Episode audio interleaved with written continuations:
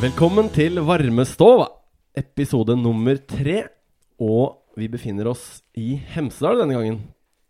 Med meg, Sverre Bergenic, og deg, Jo Marius Bøhum. Velkommen. Jo, takk skal du ha. Det lukter litt brent her vi sitter, men jeg tror det skal gå fint. jeg. Ja, det er bare noe maskeringsteip på, på ovnen. Men eh, litt svidd skal det lukte av denne podkasten, så det går bra, det. Jeg tror det skal gå helt fint. Vi Ja. overlever så langt. Kaffe og annen leskedrikk. Ja, polsk øl. Jeg sier det med en gang, jeg.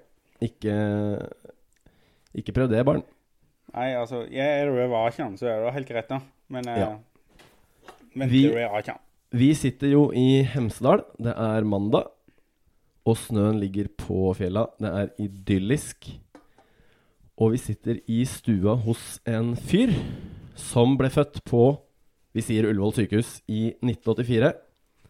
Og vokste opp ved sjøen på Sætre i Hurum. Og den luftige kondomdressen ble fort hans venn, og hoppbakken hjemme på Hurum ble flittig besøkt tidlig på 90-tallet. Karrieren den skjøt fart, og han vant junior-NM i skihopping før han byttet ut de luftige svevene med luftig og lett pudderkjøring i Alpene. Frikjøring ble en stor lidenskap, og gutten ble voksen og flyttet nordover i Buskerud fylke og til Hemsedal, der vi er nå. Han har et stort hjerte for nord, med en far fra Tromsø. Hei, Alfred. Han har hytte i Valdres. Han har arrangert frikjøringskonkurranse på Island, Hemsedal og på Eidsbugarden. Guidet topptur på Svalbard. Fisket ørret i Lærdalsøyri og dømt freestyle i X Games og OL. Han er kjæreste og samboer med Eline, hun som har putta maskeringsteip på ovnen. Han har pickup, fiskestang, jegerprøven, hagle, brente CD-er i bilen med Hellblis og er allikevel skeptisk til både ålinger og byfolk. Han får gratis ski av Salomon. Han er eks-Farmen-deltaker. Han hater nikkers, og han har, vært, han har svart belte i bålkaffe. Og han bor nå i samme gata som jeg vokste opp. Velkommen til vår andre gjest i varmestova, Ole Kristian Strøm aka Olek. Tusen hjertelig, Sverre. Sitter og ser over på gamlehuset ditt. Det Ja. Ganske fint oppå haugen der. Jeg hadde ikke råd til å kjøpe opp på toppen. Nei, vi flytta til og med herfra, for det blei for urbant. Men var det noe her som ikke stemte i introen? Nei, et par småting. Hoppbakken lå i Røyken kommune, i Bostø. Det er fortsatt der er aktivitet. Fattern, gamlefar, holder det gående der borte. Og han er ikke fra Tromsø, det må du passe på. Han er fra Finnsnes. Fra Finnsnes, ja. Tredje største byen. det er Vil du ha en fiende, så den der kunne nok Han kunne nok tatt den ille opp. Beklager til Alfred med en Men gang. eh, stemmer ikke at han hadde en karriere i Oslo òg? Ja, jo da. Vi eh, drikker jo for så vidt av glass som han har stjålet på sin gamle jobb. Stortorv gjesteivrig. Tidlig, Seint 80-, tidlig 90-tallet. Da var han formann der. Formann, ja. Ja, han dreiv det i hvert fall. Men han var formann i hoppbakken òg. Ja, ja. Det, er han, eh, det var hans skyld at jeg begynte med skihopping. Og han er da Hvor gammel er han? 74. Fortsatt veldig aktiv og primus motor for hoppskolen i Høvikbakken og Røykenhopp. Så sjøl om jeg valgte å legge skia på hylla, så fortsatte han. Ja, men, du la jo eh, ja. Jo, Hvor lenge drev du på med skihopp, da? Eller altså, når begynte du å Jeg begynte vel når jeg var fem-seks. og så ga jeg meg i Skal vi se nå 2005 ga jeg meg. Det var siste året. Hvor gammel var jeg da? Hvis 21? du er født i 84, ja, så da var jeg kanskje 21, da. 21, ja. Da ga jeg meg på topp. Som de Men du sa. rakk å få med deg et junior-NM-gull. Ja. NM-gull i Hurdal i 2002. K90. Normalbakken. Femteplass i Kollen i Storbakke. Men du, du la ikke skia helt på hylla. Nei, altså hoppskia la jeg på hylla. Ja. Men jeg bare gikk samme bredde, men litt kortere. Og over til hva slags type ski? Det blei jo frikjøring, da. Det er jo Kjørte litt park, og så blei det da frikjøring, og så blir man eldre, så blir det topptur, og Så skia har vært med hele veien.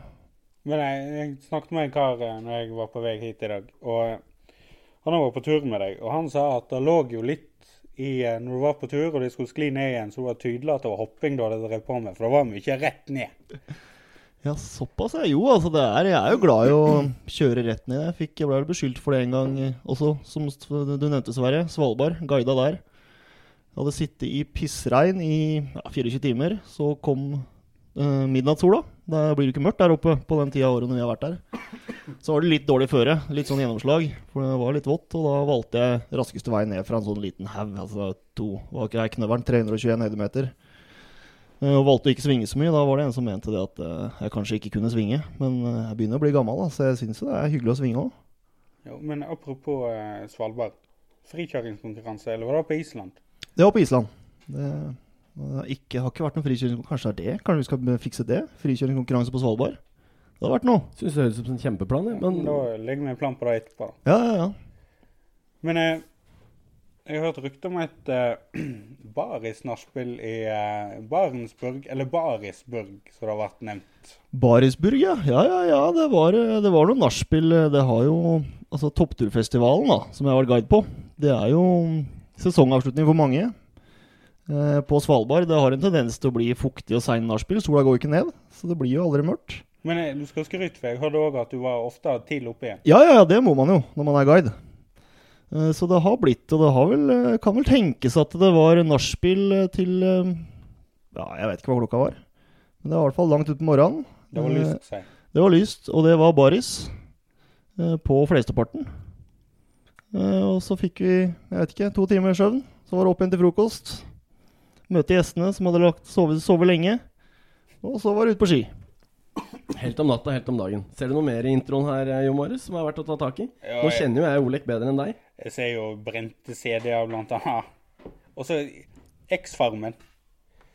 Ja, det er jo Det var en kort En veldig kort affære. Jeg var utfordrer i 2000 og Det var på TV 2008. Så da høsten 2007. Så var jeg utfordrer. Jeg var innom. Uh, Jobba ræva av meg. Av en eller annen grunn så mente de at han gamle spinkle skihopperen var en for stor trussel, så da ble jeg kasta fort ut igjen. Så jeg hadde vel eh, ja, kanskje 30 sekunder på TV. Planer du å noe mer reality? Nei, har ikke det, altså. Slå deg til ro hjemme i Hemsedal nå. Hemsedal, Hemsedal er hjemme. Hemsedal er hjemme, altså. Det har blitt eh, hjembygda. Én en vinter var planen. og Nå har jeg bodd her i elleve år. Når var den første vinteren? Det var da vinteren 08-09. Høsten 08. For da hadde jeg gjort sesong i Østerrike, og da var jeg liksom ferdig der. Så skulle jeg ha én vinter i Hemsedal, tenkte jeg. Det var før jeg liksom skulle bli voksen og fast jobb og få orden på ting. Men det Det skjedde aldri. skjedde aldri. Jeg har begynt å få orden på ting, da. Ja, fått orden på ting. det, Har det har jeg. Flott det er jo hus. du som har hatt maskeringsteip på Nei, altså det er ikke jeg som har maskert, så det, det er såpass. Jeg har jo et fagbrev eh, som håndverker et eller annet sted i en skuff, så det lærte jeg, da. Ta maskeringsteipen. Ser du noe mer her, Jo Marius, eller skal vi gå videre? Ja, altså, det er mye her. Altså, men at, øh, du var dommer i øh, OL Ja, Og X Games. og X Games. ja da. Det var så heldig da at jeg fikk være dommer i OL i Pyeongchang i Korea. Det var eh, veldig gøy. Og det var jo ikke Også litt sånn som mye i livet mitt har vært. Da. Det snubler over ting, og det bare tar en annen retning enn hva jeg har trodd. Og det, når jeg tok et dommerkurs for ja, Når var det? Var det i 2011-2012 en eller annen gang? Da begynte du å ta dommerkurs, rett og slett? I Ja, jeg, og det var jo bare også tilfeldig, fordi jeg da på en eller annen grunn hadde involvert meg i idrettslaget her oppe, og var litt coach for um, Jibbekidsa. Og hun som da var leder i Hemsedal Freaks, hun satt i, um, i freesk-utvalget i Skiforbundet. Og de skulle ha et internasjonalt dommerkurs, altså det var kulekjøring, aerials um, og freeski, og spurte om jeg hadde lyst til å ta meg en tur ned dit. Da. Ja, kult. Dømte jo litt uh, småkonkurranser her hjemme. Tenkte jeg, kult, få litt uh, kunnskap om hva jeg egentlig dømte. Uh, så tenkte jeg egentlig bare for hjemmebruk. Og så prata mye med han som holdt kurset, og så litt opp til han. Og det var jo Steel Spence, en gammel legende for de som er så gamle at de husker den tida der. Må innrømme at jeg husker ikke han, men uh, fortsett, fortsett. Filma med mye av de store, men han var kjent for han var litt dårlig på grabba. Det har vi kødda mye med nå, da, siden han nå sitter og på en måte klager på alle som ikke gjør det i konkurransesammenheng. Uh, syns kurset funka greit. Hadde egentlig ikke noe preferanse på om det hadde gått bra eller dårlig på eksamen. Man blir alltid nervøs på en eksamen. Og så gikk det halvannen måned før jeg fikk en mail og spurte om Hei, eh, Olek, takk for at du var med på kurset. Du gjorde det bra. Kunne du tenke deg å dra til Finland og dømme den første World Cup-konkurransen FIS skal ha der? Så ja, ok. Det, det kan jeg vel. Det var den Så- første FIS-konkurransen i freestyle. Ja, i det nye systemet. De har jo hatt det inne en eller annen gang før. Eh, men det var liksom da på den eraen som vi er i nå, da. Så var det den første offisielle konkurransen, og da begynte det å ballen å rulle fort. For jeg hadde litt flaks med at det var et VM på Voss i 2013. Uh, og da det Da ville de gjerne at nasjonen også at det skal være representert i dommeren i de forskjellige sportene, hvis det er noen tilgjengelig. Så da fikk jeg en sånn ganske bratt kurve. Da dømte jeg den konkurransen, og så ble jeg sendt til Argentina høsten etter. Dømte en worldcupkonkurranse i Argentina. Ja, det er et stykke til Argentina. Det er ikke småtterier, det. Nei, nei, det var en lang flytur. Det aleine. Første gang på langtur aleine. Jeg var livredd. Skulle fly langt. Eh, Fløy ned dit, og da sammen med det, vi i gamle dager kalte A-laget av dommere. Det var liksom hele den gjengen som dømte Sotsji-OL. og Med mye gamle legender. Josh Lubeck, for de som kjenner det gamle freestyle- freestyle-sport. Um, Mike Atkinson, Accident, som han ble kalt. Steel Spence. Um, fikk liksom være med de da, og dømme der nede. Her får vi stryk i kunnskap, uh, Jo Marius. Jo, men jeg er unnskyldt, for jeg er jo ganske ny. Uh, Ja, jeg er ikke her, unnskyldt, men dette her er helt uh, greske navn for meg. Men, Og så ble det X Games. Ja, og da ja, Var det i Norge? Det var i Norge. Det var det første jeg dømte. Mm, Det, for ja, det ble mye worldcupkonkurranser etter VM på Voss og alt det der. Og så kom X Games til Norge, og da fikk jeg spørsmål om å være hoveddommer og alle ting i Tøyen. Og med skrekkblanda fryd takka jeg ja til det. Eh, og det gikk jo veldig bra. Var det der Tiril Sjåstad Christiansen gjorde det bra, eller var det Ja. Tiril gjorde det bra der. Uh, jo, ja, det var der Tiril gjorde det bra. Vant òg, eller? Ja, det gjorde hun. Uh, og så blei det jo Aspen, og så har det vært Norge et par ganger etter. Og i Pyeongchang så ble det seier til Øystein, Øystein Bråten. ja. Halling, vet du. Leverte. Så det var gøy. Du sier Halling og ikke Åling. Viktig, det. Ja ja, det er viktig at det er Halling.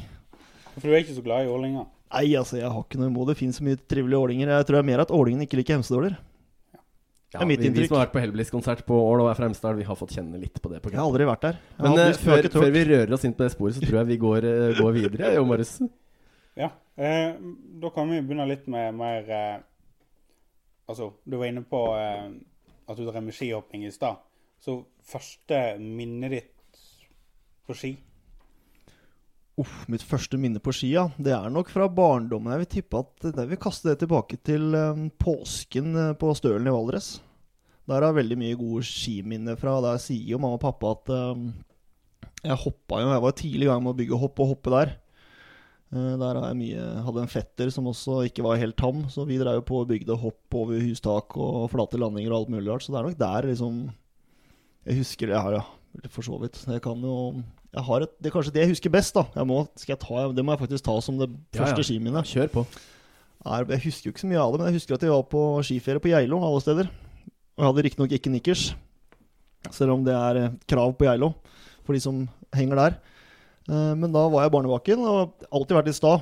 Eh, Så sto og holdt et staur da, sammen med pappa, for jeg var ikke så fryktelig god på skien da. Men det ble jo kjedelig. Så satt det, det var jo sånn tallerkenheis, så jeg sto i heisen foran pappa. Så gadd ikke jeg vente på pappa på toppen, så jeg satt jo bare utfor. Hadde lånt alpinutstyr av noen venner, og det var ikke måte på. I, rett i hockey, sånn som du fortsatt gjør den dag i dag. Ja, ja, rett ned barnebakken. Altså, det var ikke så bratt. Men problemet var at jeg hadde ikke helt kontroll på å svinge og stoppe ennå. Og i bånn der så sto det noen danske skiturister midt i løypa. Så jeg meide jo rett inn i en eh, dansk dame som ikke hadde droppa wienerbrød til frokost. Eh, og fikk hun oppå meg. Ja, men det var en airbag, da, med andre ord. Ja, det var ikke Nei, det det, var var ikke det. Altså, det var hardt. eh, For jeg fikk jo da dette kvinnemennesket oppå meg. Og det var liksom, da var det slutt på skiferien for min del, for da var det hjernerystelse og god stemning og dårlig form resten av den Så dette er ordentlig liksom første minne på ski som har satt seg. Ja, den husker jeg liksom. Og det var, altså jeg husker jo ikke, jeg husker jo ikke krasjen, men jeg husker at jeg var på Geilo, og at jeg var i litt dårlig form etterpå. Så det var sånn tidlig i skikarrieren. Jeg har gått på noen smeller, da. Sånn Altså i form av krasj og slått hodet litt her og der. Både på alpinski og hoppski og slalåmski, så- eller frikjøringsski. Så det, det var nok det at ja, karrieren starta med et smell, da. Men hvordan gikk den overgangen fra hopp til frikjøring? Jo, For det er ikke, litt spent på. ja, Altså. det er ikke verdens mest naturlige overgang, det. Nei, men det er jo ganske kult, for da kommer vi inn på historien. da. Der kanskje du er mer, mer med, Sverre. For når jeg, eh, når jeg hoppa på ski, så var det den generasjonen før meg eh, som da gikk på NTG. De var veldig tidlig ute med freeski. Det var Lars Fiddestøl, Sondre Bjørkheim og den gjengen der. Eh, og Lars Fiddestøl kjente jeg litt til, for jeg trente mye i Vikersund. Og kjente til familien hans. Han hadde en lillebror som jeg hoppa en del med. Eh, Som gjorde at jeg så liksom litt opp til de og så de gutta når de begynte å legge opp og begynte å kjøre på ski. Og så har vi Anders Bakke, som også var en god kamerat av meg i hoppbakken. eh, Som la opp før meg og begynte og blei tidlig profesjonell. da Så jeg hang mye med han, og det var liksom da på en måte kom det en sånn Jeg husker jeg kjøpte mine første twintip-ski. Det var et par ekstremski eh, som jeg kjøpte av Lars Fiddestøl. Han var sponsa av dem. Av svenske ekstreme, altså? Mm. De var tidlig ute. Nå husker jeg ikke helt hva den skia heter. Den var blå med sverd på. Den skia Kjøpte med et par Fritzi-bindinger av Lars. Plastikk. Knakk hele tida. Så fikk med en pose med reservedeler. Helt overlegent. Det var liksom bare Og nesten hver gang jeg var på ski, så måtte du bytte et eller annet. Den gode gamle Fritzi, altså toppturbindingen. Ja, men de hadde en som ikke var Den var helt lik, men du fikk ikke løsna den, eh, det staget i midten. Det var spent fast. Det, Så det Men var Da burde du ha ringt til Bjella når du fikk med en pose. Ja, det, ja. Men det var god pris. Tror jeg betalte 1500 spenn jeg for alt. Og der starta frikjørings... Der starta det, liksom. Ja, og det var liksom der òg. Da brukte jeg Og jeg har også stått mye på ski. ikke sant? Fattern, nordlending som du nevnte, han drev mye med skileik da han var ung. Fra Finnsnes. Han er Fra fra, Finnsnes, Finnsnes. Ja, Finnsnes. Viktig. Han drev med det de kalte kjørte tulling i skauen. Gamle avkappa hoppski. Han måtte gå tre kilometer i skolen på hoppskia sine for å få hoppa fire hopp i dagslys. For det var mørketid, vet du.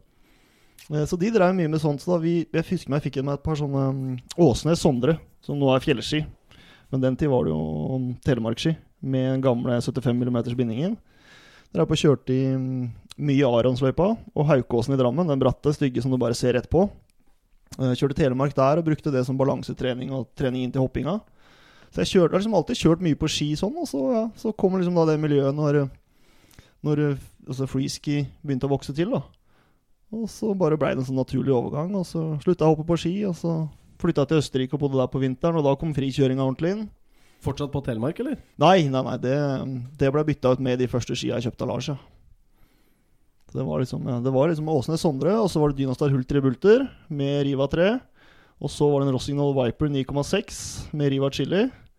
Og så kom, eh, så kom eh, ekstremskia. Ja, Vi får ha en egen spesial om gamle frikjøringsski. Men eh, de gamle, altså de blå ekstremskia med sverd på, de var i hvert fall med til Alpene, med andre ord. Nei, nei, nei. Nei. nei de var bytta ut da, ja. Ja, ja, ja. For det var, det var førsteparet. Men, men ta oss fortsatt med på den her ski-CV-en, Olek. Hvor, hvor gikk veien videre, sånn kjapt? Nei, eh, som sagt, stakk ut til Østerrike, bodde der, eh, jobba, festa, sto mer og mer på ski, eh, og fant ut at eh, frikjøring var kult. Eh, kom hjem i to, våren 2008. Det var da faktisk pga. Farmen. Jeg kom hjem litt tidligere, for det skulle være på Farmen-premiere. Dro på premiere, De hadde glemt oss utfordrerne, så vi var fire stykker som delte ett hotellrom. Eh, ferdig med det, pakka bilen, uh, kjørte til Lofoten for å kjøre min første frikjøringskonkurranse. Første frikjøringskonkurransen var i Lofoten. Ja. Samme som Marit, som har uh, Ja, det hørte- for det- et par det var- Stemmer, det hørte jeg. Og hun hadde vel også kjørt bil dit? Var det samme året? Dere var Nei, med jeg var 2008. Hun var seinere. Riktig. Riktig. Så da kjørte jeg bil. Anders Bakke satt på med meg til Oppdal. Han skulle på Megapark. Så hang jeg der en dag. Eh, så kjørte jeg videre oppover. For de som har kjørt oppover i Nord-Norge på vinteren, er fryktelig mørkt. Jeg hadde ikke GPS, visste ikke hvor jeg var. Jeg måtte ringe noen folk bare for å prate med, for jeg var litt mørkredd oppover, oppover der. Før jeg kom fram til fergeleiet. Slang meg bak i bilen, sov noen timer og våkna til første ferja over til Svolvær og så ut til Henningsvær. Ferga fra Bodø over, eller? Nei, nei, fra Hva heter det han Hamsun er fra? Hamarøy? Er ikke Ja, okay. det? Den ferja Ja. som går derfra. Eh, Og det altså- var med skrekkblanda fryd? Du var med på første konkurransen i Lofoten? Eller hva Ja, ja, jeg den, var jeg var var- den opplevelsen? Nei, altså, jeg var nervøs. Jeg var nervøs. Og så husker jeg gikk opp sammen med Erik Solseth Roan, for de som husker han. Erik The Face. Eh, han kan sikkert mange fortelle mye flere historier om enn meg. Eh, og Torkel. Den var den tida man så opp til Torkel Karoliussen. Han var rockestjerna på Telemark. Ja, det er fortsatt litt rockestjerne her i Hemsedal. Ja ja, men nå har han blitt snowboarder. Han har bytta, bytta beite. jeg husker jeg gikk opp der og fikk noen tips av han. Både han og Erik Solseth Roan fikk jeg noen tips av. Dem husker sikkert ikke det da, men det var stort for meg. Jeg dro opp aleine, kjente jo ikke en kjeft. Og det var veldig gøy. Bomma totalt på linja, selvfølgelig, som man ofte gjør da i første frikjøringskonkurranse, og ikke helt har den erfaringa på å snu det du ser, opp ned, og speilvendere for å finne veien ned. Eh, kjørte rundt en klippe og skjønte at der skulle jeg egentlig ut. Eh, men jeg var fornøyd. Kvala ikke til finalen, selvfølgelig. For jeg um, mista jo da et av de elementene jeg skulle ha. Men det var vanvittig gøy. Ga mersmak. Veldig mye. Jeg husker Møkle var der òg, for de som kjenner til Møkle. Gammel, også en gammel legende. Eh, og syntes liksom at det miljøet var veldig inkluderende. da. Eh, og da Og du ble det. værende i det miljøet? Der er du vel egentlig ennå? Ja da. Ja, ja, nå er jeg mer i den yngre garde. Jeg er ikke så, har ikke så kontroll på de voksne ennå. Men uh, der kommer det opp så mange nye hele tida. Men uh, jeg har i hvert fall en fot innafor i frikjøring fortsatt. Og så, Jo Marius, du har noe, du har noe på hjertet? Jeg har alltid noe på hjertet, jeg. Eh, men den Hva konkurranse er det du sitter igjen med som er den beste som du har gjennomført? Det, altså Uavhengig av eh, pallplass eller ikke, men der du har kommet ned og bare Helsike, det- dette her var så bra. Altså, der du er der skigleden er på topp. Den er vanskelig. Jeg, har, jeg har egentlig to der jeg kan ta en kjapp. Kjørte Sogndal. Eh, man kan mene mye om konkurransen i Sogndal, men det var den gangen man slapp å gå så altfor langt, og de hadde ganske bra snø. Vi har jo alltid bra snø i Sogndal. Ja ja, det har de vel, sier de. Men jo, nei, men det var ett år, jeg tror det var, det var første året vi kjørte på høyresida av tunnelen. Eh, Det var egentlig veldig kult. Eh, Da skal vi opp i, år siden, da. Er det så shit? da skal vi opp i Frudalen. Ja, Frudalen i Ja, Sogndal. og så på høyresida der, når du kjører mot tunnelen, da. Ja. Eh, 11-12 år siden. Og da mm, kjørte, kjørte meg egentlig bort eh, fra plan A, men overlevde og kvala til dag to. Men eh, da planen min på dag to var det plutselig så mange som kjørte, så ble jeg så usikker på om det var noe god snø igjen. Så det endte med at jeg bare ga faen. Og så For jeg hadde sett langt ut på ski høyre, så var det noen puter. Da husker jeg Torgeir eh, Sværen Henjum kom til meg etterpå og bare Du var den som hadde det fetest i dag. Jeg kjørte en, altså, Det var ikke noen konkurranselinje i det hele tatt, men det var vanvittig god snø. Fin putekjøring og bare storkoste meg. Så det liksom det husker jeg bare, for det var en sånn sinnssykt fin dag. Og fint vær og god stemning. og sånt. Men det beste konkurranseminnet er nok i Røldal. Jeg har faktisk bare kjørt der én gang. Men det var det Det året mm, vår gode venn Erik gikk bort. Uka etter at han døde. Ja, Så dro- en god kompis av deg. Mm. Um, så dro vi til Røldal for å kjøre for Erik. Og jeg har vel egentlig aldri kjørt så bra på ski som jeg har gjort i en konkurranse da. Jeg kjørte, jeg måtte kjøre kvaliken til kvaliken. Eh, Kvala fint inn. Hadde vanvittig Jeg hadde hoppa ikke så høyt den dagen, men hadde liksom, hadde, jeg tror jeg hadde noen seks-sju hits jeg, på vei ned. Vanvittig kult run. Um, og i, i den var vel semifinalen, heter det kanskje, da. Kjørte jeg veldig bra. Var vel sånn 0,4 poeng eller noe fra. I hvert fall rett bak og kval til finalen, da. Uh, som var litt surt. Men bare hadde vanvittig gøy på ski, selv om det var en litt sånn trist konkurranse å kjøre. Men vi gjorde det for Erik. Uh, det viste jo hvor samla miljøet var. Og jeg klarte liksom å samle huet og kjøre bra på ski, så det er liksom, den konkurransen husker jeg veldig godt. Ja. Vi må se deg på en 20-årsjubileum til RFC nå til vinteren. Oi, oi, oi. Jeg burde jo være der. Men, Jeg eh, synes du skal være der. Vi skal dit og lage pod. Ja, ja, ja. ja ikke sant? Jeg, jeg skal ikke avskrive noen ting, men jeg innså her om dagen at jeg trodde jeg hadde en veldig åpen vinter foran meg. Men plutselig så begynner liksom ting å fylle seg opp, så Men ja, den skal helt klart uh, Men- Men alle bør jo sette av RFC-helger i år. Og, og er den datoen satt, Jo Marius? Eh, Det er han, men jeg husker ikke han i hodet. Vi kan komme tilbake. Tipper det er sånn i slutten av april, rundt 20. april, er det ikke det det Ja, pleier å være? det er siste helga der. Men for å gå litt uh, kjapt videre, da, før vi begynner å prate litt sånn om uh, grenseoppgangen i frikjøring, for du er jo litt sånn ekspert på området der. Definisjoner. Men dette er jo en podkast som heter Varmestova. Så hva er, liksom, hva er din beste varmestove? Hvor er det du hører, hører hjemme? hen? Og hva du alltid kjøper når du er innom ei varmestove, uavhengig av hvor det er. Kjøper alltid kaffe. Altså, man kan jo ikke Ingen frikjørere med respekt for seg sjøl kan holde seg unna kaffe. Nei, jeg ble jo møtt med en kaffekopp i døra. Ja, ja, kaffe er viktig. Eh, Så kaffe, det kjøper jeg alltid. Eh, Og nettet, passordet på nettet her, eh, det heter Det er kanelbolle. Ja, ja. Kanelbolle står sterkt. Det var for så vidt den internasjonale kanelbolledagen. Det var forrige uke. Um, altså Kanelbolle, det står. altså det er litt sånn, Jeg er jo også litt sånn fan av matpakka. Er klart Er det en god dag, så spiser jeg heller matpakka i heisen og tar en kjapp en for å innom eh, varmestua for å få en kaffe. Bare for å få litt varme i kroppen. Men eh, Men jeg, jeg, er, jeg er glad i bakverk, altså, så jeg vil nesten si kanelbolle. men hva du da Hva du alltid smører i matpakken? Altså hva er oh, jeg, er ganske, jeg er ganske lett i matpakka, altså. Nå, Ja, nå, er det dagens, brunost? det er, nå er det brunost. Når jeg drar på jobb nå i samme matpakke, så er det én med skive med brunost og én med ost og salami. Tradisjonell norsk eh, type. dette her. Ja, men ja, jeg tenker Jeg gråbrød, sitter jo igjen med spørsmålet to skjever til lunsj. ja. ja. Holder det. Gammel, Svære ski, gammel, gammel, gammel skihopper, vet du. Ja. Ja, god, på, god på å spise lite. Det var derfor jeg gjorde det så bra på Farmen på lite mat. Men vi har fortsatt ikke, fått- ikke fått svar på hvilken varmestove. Hvor er det du føler deg mest hjemme? Hvilken er best? Det er, eh, vet du hva? Nå skal jeg faktisk gi deg Det skal jeg faktisk si varmestua hjemme i Høvikbakken. I Hoppbakken. Den var helt overlegen.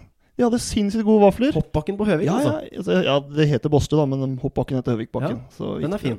Den er sterk. Og den er Eksisterer den ennå? Om man gjør, ja. Det er to gamle Moelven-brakker smelt sammen.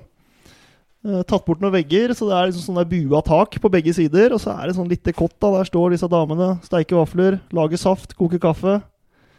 Kveld ut og kveld inn hele vinteren gjennom. Selv om det knapt er snø. reise innom lager en tur i vinter og se. Et sted med sjarm, ja. Det er, Jeg tror det er hver onsdag her og hoppskole, vet du. det er jo ikke langt unna der jeg bor. Nei, nei, nei. Nei, du kommer til å være fast gjest der, du, nå. Nå blir det skileikanlegg der òg, det jobber de for. Det, blir, det skjer i Røyken. Men, men uh, nå har vi liksom kartlagt beste varmestova. Nå er, det, nå er vi litt ute etter beste skianlegg. Ikke sant. Eller vi, kan- vi kan lage ei Si topp tre, da. Nå er, jo, nå er jo gutten her i en slags deal med anlegget her i Hemsedal, da. Så hvis vi ser litt bort fra Hemsedal, da kanskje. Nei, men det, det, Det er det, er det, som er Jeg synes det spørs, Jeg liker det spørsmålet der. For veldig mange kommer at Ok, det er det feteste, det er det feteste. Hemsedal er for kommersielt, alt sånn. Altså, det er veldig mye sånn, da.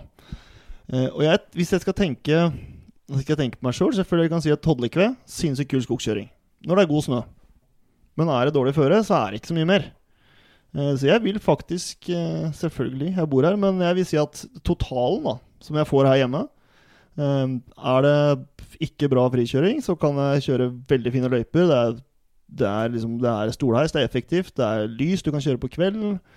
Eh, alt er veldig lett tilgjengelig. Uh, altså det er, og det sprer seg utover selvfølgelig her som alle andre steder, så er det mye folk. Uh, det er jo et populært sted, men eh, midtuke Ikke mye folk her i midtukene. Nei, nei, det er helt overlegent. Ligger her i kruse. Er det god snø, så har man altså Du har Totteskogen, Karavanskogen, eh, Matterhorn eh, Du kan dra over til Gummiskogen eller Reidarskaret. Veldig mye lett tilgjengelig, da. Eh, Så det er liksom totalen du får, er det veldig få andre skianlegg som kan ha. Så kan selvfølgelig altså Stranda Veldig mange, de, veldig mange av de mindre anleggene har kanskje tidvis bedre frikjøring, men totaltilbudet hvis du får en normal vinter, da for oss på Østlandet. For det virker som at dere vestlendinger mener at det alltid er sinnssykt god snø og flere meter med pudder. Det er ikke, På den sida her av vannskillet så er ikke det normalvinter.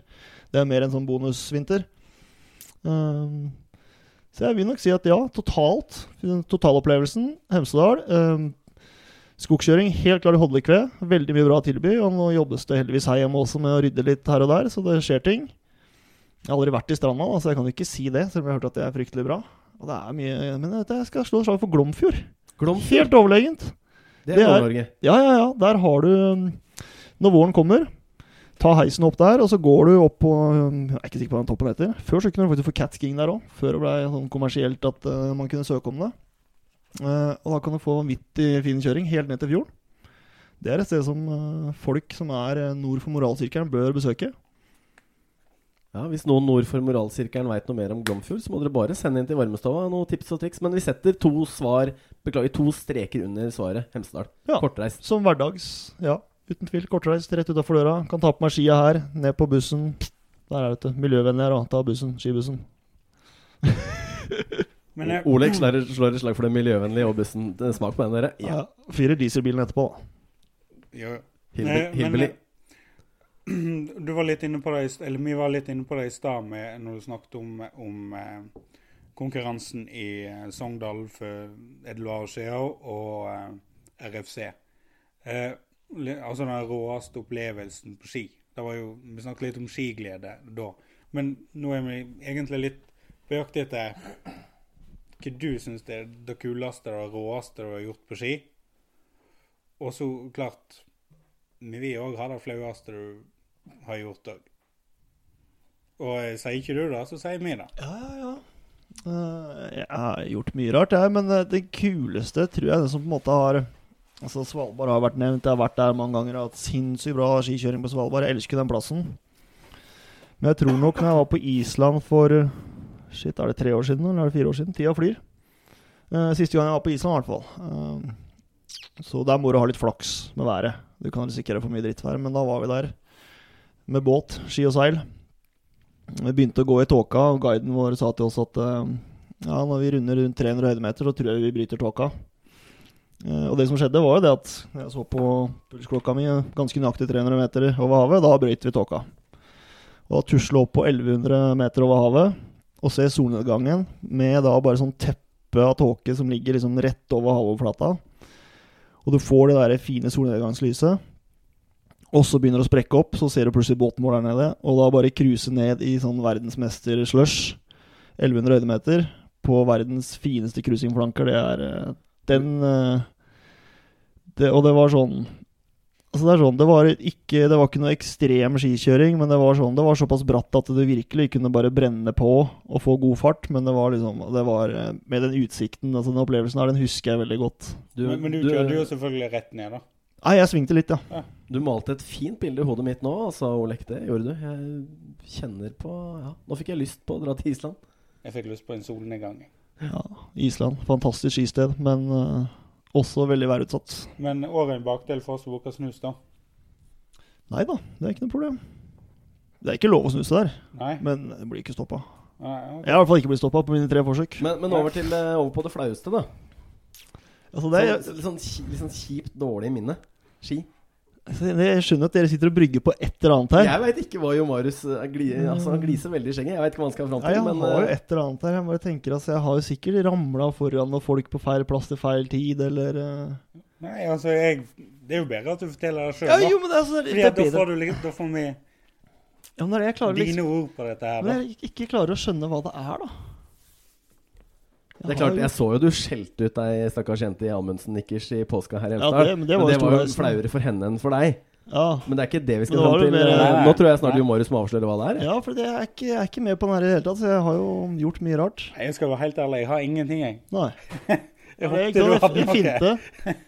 Men det er Prøvde sånn- meg, men ja, jeg fikk altså, ikke det til. så er det sånn, jeg, så jeg, jeg Det, det er jo i hvert fall en historie fra Badgarstein hvor noen havna på sjukehus. Men om det var deg eller en fyr som het Asbjørn Det var det Asbjørn som han havna på sykehus. Men Det- tenker du på når han knakk hånda, eller hva det var? Jeg, jeg var i hvert fall med én gang når han havna på sykehus. Det var, en dag, det var jo dagen etter nyttårsaften. Ja, men Da tar vi det flaueste for Asbjørn, din skikompis. Hva, hva skjedde der?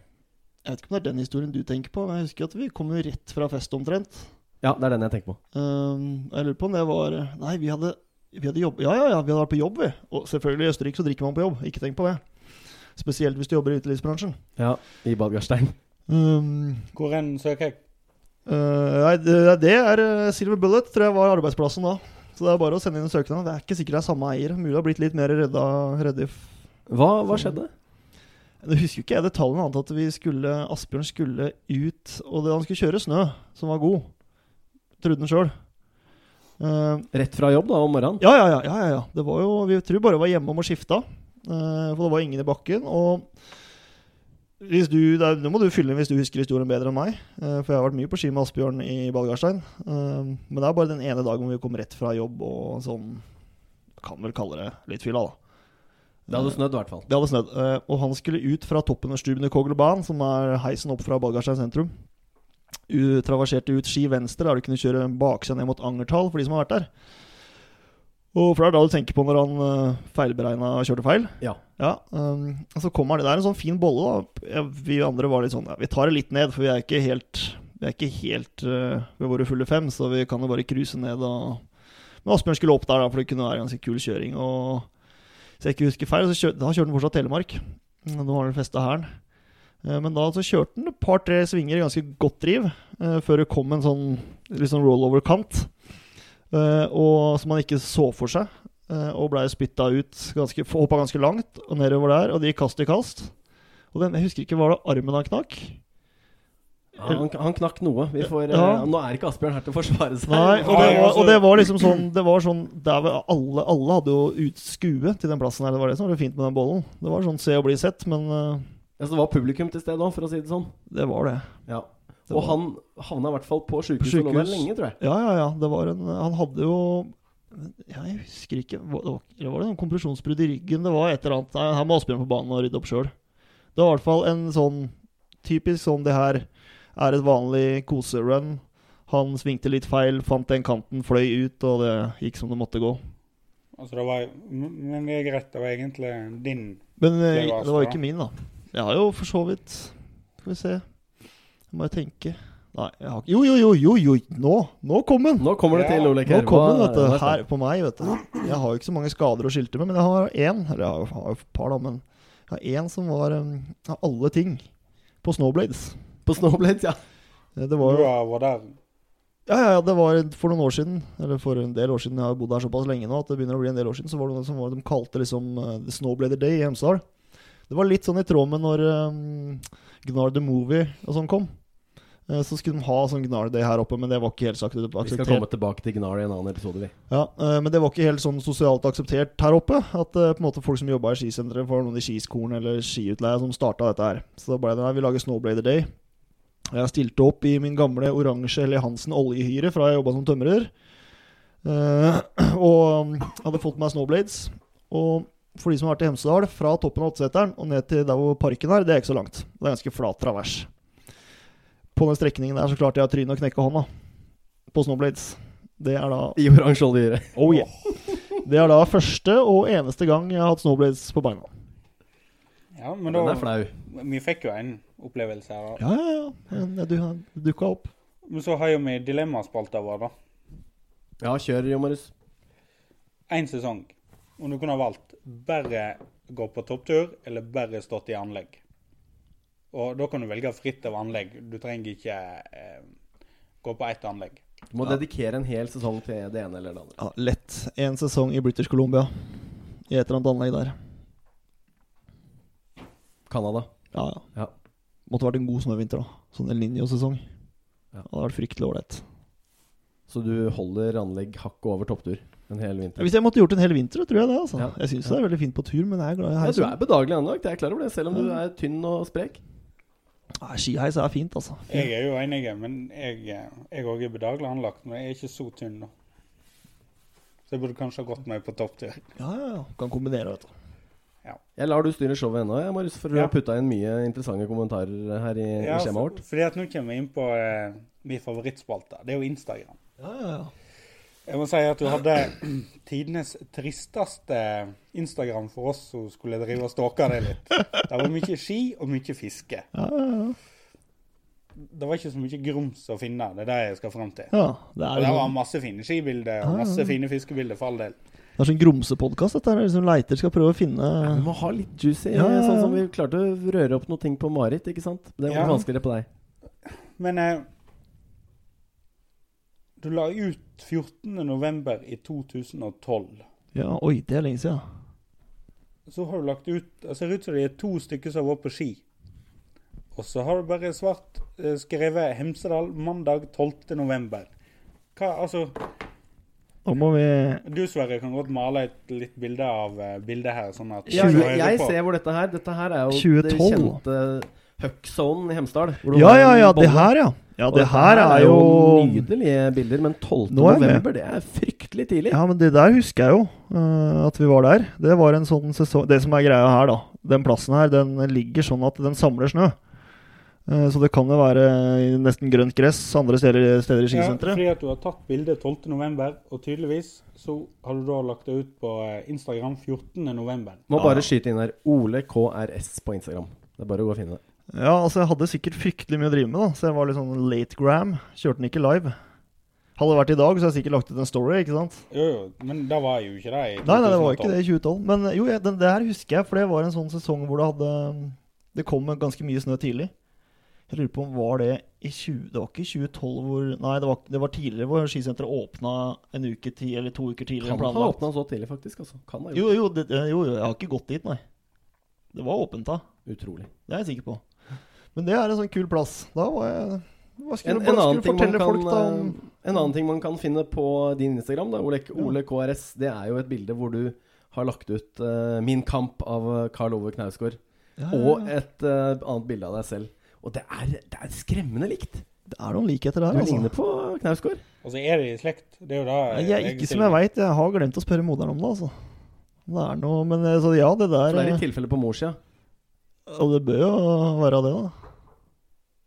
Ja, nei, men Det er hun eh, som har båret meg fram, tenker jeg. Det er Altså, bare på Instagram å finne bildet. Skilt ved fødselen. ja, det var, jeg ser jeg har hatt på meg lue og rett før caps rett før jeg tok det bildet. En sånn rød strek i panna. Det bør gå inn og følge han med en gang. Det er masse fine skibilder og, eh, og eh, fiskebilder. Ja, Er man glad i fiskebilder, så er det bare å følge Ole Kristian. Han er en ivrig eh, fluefisker. Men eh, er det tid for min spalte, da? Nå, er det, nå skal du, Sverre, få lov å ta over. Nå er det samferdselsspalta di. Yes, samferdselsspalten. Ole Kristian Strøm, du er jo glad i diesel og pipe og, Ja, ja, og pickup. Hva var, hva var din første bil? Min første bil, en Nissan Micra 88-modell. Fikk du inn ski i den? Ja, ja, ja. Det tror jeg. Jeg tror jeg fikk hoppskia diagonalt inni. Akkurat. De må jo ha truffet frontruta. Ja, ja, ja, ja, ja, ja, den lå helt framme i fronten, og det var så vidt det fikk banka igjen bakdøra. Men jeg, jeg har et spørsmål. Hva tidlig begynte du å kjøre bil? Eh, jeg fikk lappen eh, 10. juni det året jeg ble 18. Så Ja, da kan vi regne oss tilbake, da. Du hadde ikke bil før da? Nei, nei. Nei. Nei, det er, det er litt Altså, nei, naboen hjemme var politi, Ja, ja. så det begrensa seg litt. Men jeg kjørte moped litt sånn i, før jeg fikk mopedlappen. Selv om man var nabo. Den ideelle bilen for en uh, skikjører. Det er Du har jo en bil nå sjøl du er veldig stolt av. ja, Jeg er fornøyd med den pickupen. Jeg kommer meg fram og kan jo bare slenge alt mulig rart oppi den, men eh, Jeg fikk jo beskjed om å parkere, parkere ja, du måtte BMW-en parkere litt sånn nedi. Litt sånn uh, Jeg fikk ikke lov Nede på å- tomtegrensa. Uh, men uh, Nei, altså, jeg vil jo Jeg kjørte Hiace før, den husker du? Den røde. Ja, Når du sier det, så tror jeg jeg husker at du hadde en rød. Ja. Eh, og det, klart hadde jeg hatt den i den versjonen med firehjulstrekk, Der får du inn alt. Det blir Og- noe annet enn Nissan Micra. ikke sant? Og hvis jeg hadde hatt den med en sånn, en sånn type bil, en varebil med firehjulstrekk som du bygger om litt, isolerer Helt overlegen. Kan være på tur hele året. Kan ha med ski, fiskeutstyr, jaktutstyr, hva det måtte være. En sånn type bil er liksom Det tror jeg er den ultimate sånn bil for de som er glad i å være ute. Altså. Om det er ski eller Men uh, hvor mange biler har du eid opp igjennom? Det er ikke så mange, vet du. Det er, skal vi se, det var Micraen, og så var det en Citroën. Og så var det Highasen, og så er det den jeg har nå. Det er fire, da. Ikke galt. Det er ikke så, ikke så Nei, det er ikke som meg. Jeg har hatt ti eller elleve, men det er en annen sak. Nei, Jeg har bare tre. Ja. Ja. Nei, Men eh, over til på litt sånn MDG-perspektivet Oi, oi, oi. på, på samferdsel her, da. Jesus. ja. En, min- vi vil ha frem en minneverdig opplevelse med tog eller båt eller fly eller annen kollektivtransport i forbindelse med ski. Du nevnte noe båt og Island, kanskje? Ja, jeg, har vært Har du mye, noe jeg har vært mye på ski og seil, da. Ordentlig minne? Åh, jeg har så mye gode minner, vet du. Um, Ski og seil? jeg har jo, Nå har vi prata om Island, og det var en helt fantastisk tur, hele opplegget. Mm, men da tenker jeg Og da vil jeg faktisk ta fram eh, når vi var på ski og seil på Svalbard med Hurtigruten i Hornsund. Hurtigruten på Svalbard, altså. Ja. Eh, og med I Hornsund for tre år siden, eller er det fire år siden? Tida flyr, vet du. Um, vi hadde tre dager i strekk med sol og vindstille. Det er ikke noe du opplever ofte på Svalbard. Eh, jeg kunne kjøre hvor vi ville. Kjempestabil snø. Um, veldig god snø. Eh, men det som var det morsomme med det, var at resten av Svalbard hadde drittvær. Hvis, I Hornsund Dere, altså- dere var i det liksom øyet der det var fint vær, det. Eh, Hornsund er jo eh, den sørligste fjorden på, på Svalbard. Spitsbergen. Spitsbergen. Og den er jo kjent som en sånn, en sånn trygg havn når det kommer båter som hadde seila fra Fastlands-Norge oppover. Så kunne de liksom dra fra en ganske dyp fjord. Den går nesten på tvers. Og når Jeg sier ikke hvis, men når polisen eller breisen på Svalbard smelter, så vil den dele det, så blir det en ny øy eh, på sørspissen av, av Spitsbergen og Svalbard. Eh, for er, de mener at den isbreen som ligger da på eh, østsida av eh, Hornsund, den blir borte. Der er det ikke fast fjell imellom.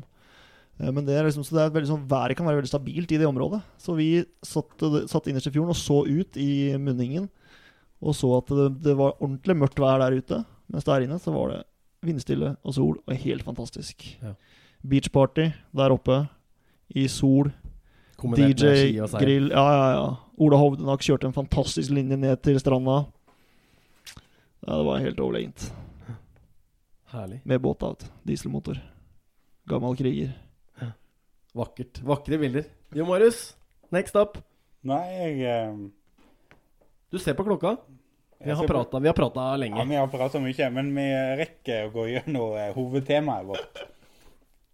Ja, fordi at uh, Ole, Ole Christian er jo Ole Christian her er jo dommer i freestyle. Men hva er freestyle? ikke sant? Hva er frikjøring? Hva er det som skiller det fra jibbing? Eksisterer ordet jibbing lenger? Uh, jeg spør deg, Ole Christian, hva skiller frikjøring fra freestyle slash jibbing? Kan du begynne med det du sa der? Eh, Eksisterer jibbing fortsatt? Og det vil jeg jo si ja. Eh, man deler kanskje litt opp at freeski, da det heter ikke freestyle. Freestyle er, er, kulekjøring og aerial, så de vil vi helst distansere oss fra. Det er disse gamle pampene fra Øst-Europa som helst skal ha alt for det gamle. Litt som gamlebryn. Gammal OL-gren. Ja, eh, mens freeski er da den moderne delen av sporten. Og jibbing har vært et sånn der, eh, et begrep som har blitt brukt i mange år, og brukes fortsatt. Og det er litt sånn Veldig mange velger å si at det er mer sånn hvis du leker på små elementer. eh, altså litt railkjøring, Iber, altså kjøre urban rails, altså litt sånne ting. Mens freeski er jo en samlebegrep for hele. Eh, hele greia det er liksom du har konkurransekjørerne som kjører uh, World Cup, OL, X Games eh, og den biten der. Og da er det big jump, da er det parkkjøring? er Ja, da er, det, da er det big air, slopestyle, som da er hopp og rails, ikke sant. Eh, og så har du pipe. Eh, og så um, har du også Og imellom der, altså på vei mot frikjøring, så er det backcountry, altså mer backcountry freestyle, eksempel. Da har liksom de Det er det som på en måte flytter mer og mer over i moderne frikjøring. Eh, For når jeg konkurrerte, så var det ikke så veldig mange som triksa og sånne ting i frikjøringskonkurranser. Det ser man mer og mer av nå. Um, da var det mer sånn Du hadde parkkjørerne, og så hadde de som bygde hopp i backcountryen, og så hadde du frikjørerne. Mens nå Nå er det gjerne sånn at de, de som driver med freeski, da kjører park og konkurrerer i det, de blir jo fort gamle. Det er jo feil å si, da. Det, men de har Lav pensjonsalder. Ja, ja. Veldig fryktelig lav pensjonsalder. En slags turnere på ski, nesten. Ja, øh, men da er det veldig mange av de som går inn til kanskje begynne å kjøre backcountry, bygge hopp, øh, holde på med det, som igjen blir mer inn til frikjøring. Uh, så det er liksom sånn, det blir de stega, mens nå i moderne frikjøringskonkurranser, så de nye kidsa som kommer opp, de er jo sinnssykt flinke i lufta, i hvert fall. Skal ikke jeg bli for kritisk til å melde for mye om hva jeg mener der, men uh, veldig mange av dem tar med triks ut, klipper og bygger hopp og styrer og ordner. Uh, som vi ser i frikjøringskonkurranser. Jeg har begynt å se det i Freerad World Tour, som på en måte har Selv på facer som Beck Duro, så ser du folk begynner å trikse, ikke sant. For fem, seks, sju år siden så var det helt utenkelig, for det var den sykeste frikjøringssida du kunne konkurrere i. Mens nå kommer gutta og drar en treer Ja. og popper rundt og kjører switch ut. Det er eh, helt altså- Det er helt sprøtt. så på en måte det eh, skillet, det, det, det, blir jo mer og mer som én sport, men det er jo liksom fortsatt der. Liksom, du har park, og så har du frikjøring som hvor fortsatt skiteknikk er en veldig viktig del av det. da. Det Ja. blir ikke sett på i, park, i parken, f.eks. du, du, nevner, du nevner teknikk. Hva skiller da frikjøring fra alpint, da? Nå Eh. blir det veldig overordna flåsete, men det er litt sånn Vi er jo fortsatt tidlig i podkast-livet Det er livet vårt, så vi må prøve å liksom definere litt hva er det egentlig vi prater om her. Nei, altså jeg vil på en måte altså, At du drar en alpint, jeg vet jo ikke helt hvorfor, men uh, det er fordi, du, fordi du hører Nei, ordet teknikk. ordet Ja, alpint, ja, ja. Ikke sant? Hva er Nei, men altså, alt det, så frikjøring har ingenting med altså, Du vil jo selvfølgelig se at den som har konkurrert aktivt um, Det er jo eks-alpinister også i Uten, uten tvil, og du vil jo se på en måte at de har en hel, altså de kjører veldig bra på ski, men det er ikke nødvendigvis at det, en dyktig alpinist klarer å flytte sin teknikk over til frikjøring. Men for meg så har teknikk i frikjøring handler om at du klarer å stå over skia, du klarer å vise skikontroll. Uh, vi har sett mange eksempler på folk som ikke er så fryktelig gode på ski. Nå er det sikkert mange som kommer til å slakte meg, men når Tanner Hall gjorde det veldig bra i Japan i worldturen i vinter For meg et sjukt dårlig run skiteknisk messig, selv om han er veldig flink på ski. Tanner Hall er en dyktig skikjører, men han gjorde noen masse triks som av en eller annen grunn imponerte dommerne, mens de glemmer å se på den skitekniske. Altså Vis at du kan stå over skia og ha kontroll på skia dine. Som vi har prata mye om det her, Sverre. Ja, jeg er dommer, ja. Så vi ja, kan, ja. jo, vi kan jo nevne hva Jo, men vi, fem, vi kan jo nevne de fem kriteriene f.eks. i konkurransesammenheng i frikjøring. Fordi at jeg er jo da litt enig med dere. skjønner jeg, fordi at Når jeg ser en konkurranse, så vil jo jeg se skiteknikken. Det er greit nok det er kult med feite knep og alt dette der nedover, men, men du vil se at de har kontroll de kjører nedover, og ikke bare går fra plass til plass for å, å gjøre knep. Du, du vil se at de har kontroll, og de veit hva de driver på med. Ja, og du nevner jo kontroll der. Og kontroll er jo en viktig, er et viktig faktor i frikjøring. Eh, også til sporten jeg har dømt. Altså, da har vi også noe som, er, som definerer kontroll med mer i lufta. Men det er det som du sier, ja, jeg har lyst til å se Jeg kan gjerne se folk gjøre triks i lufta i en frikjøringskonkurranse. Jeg blir imponert av det.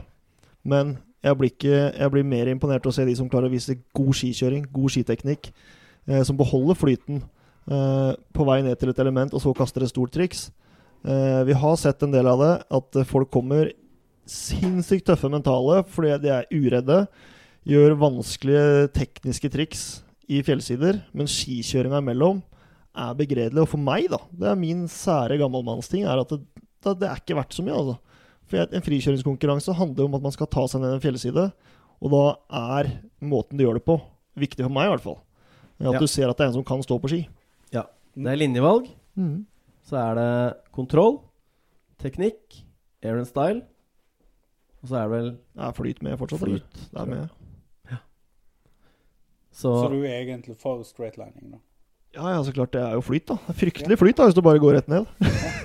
Nei, altså i konkurranser er det greit. at Men frikjøring er jo mer enn bare konkurranse, ikke sant? ja, ja. Topptur er jo også noe vi snakker om feller, ikke sant? Er frikjøring også topptur i bedagelig terreng godt under 30 grader? Hvor skal vi sette grensen her?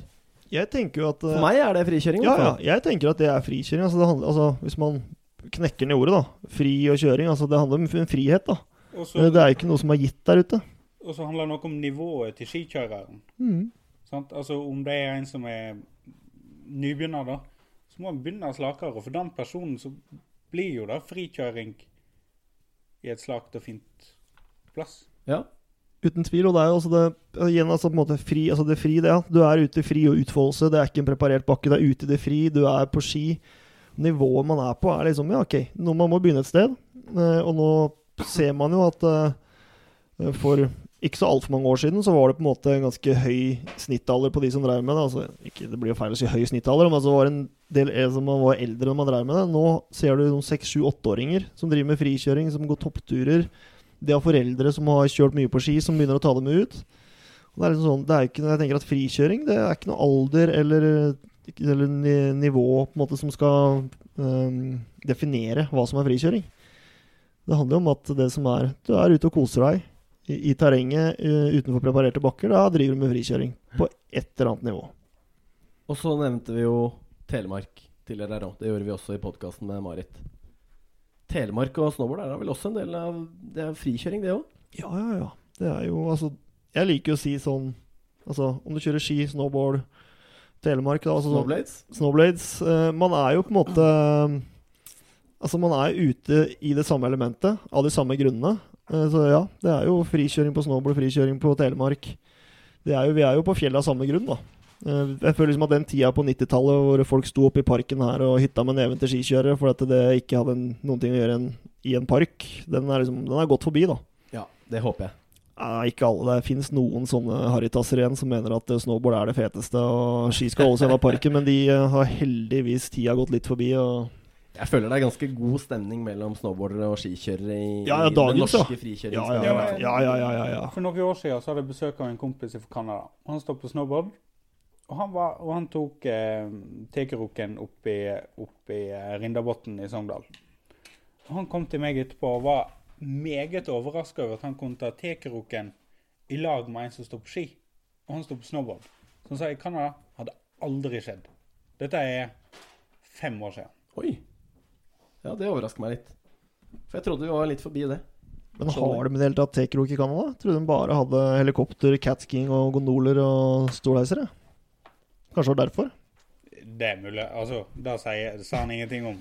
Nei, men altså i Norge så føler jeg det på en måte er en Så det er jo ingen som bryr seg. Man er jo på Man er på fjellet av samme grunn, og hva du har under beina, er jo helt fett. Ja, Vi skal ha en Telemark-spesial, og vi skal også ha inn noen snowboard i denne podkasten her, så kanskje man får ulike perspektiver, men eh, Men, Jeg er enig men med altså, det som ligger i bunnen av alt, jo om du står på snowboard, eh, monoski, altså telemark, vanlig ski altså alt, ligger, alt det som ligger i bunnen er felles for alle sammen, er jo skigleden. Ja, ja.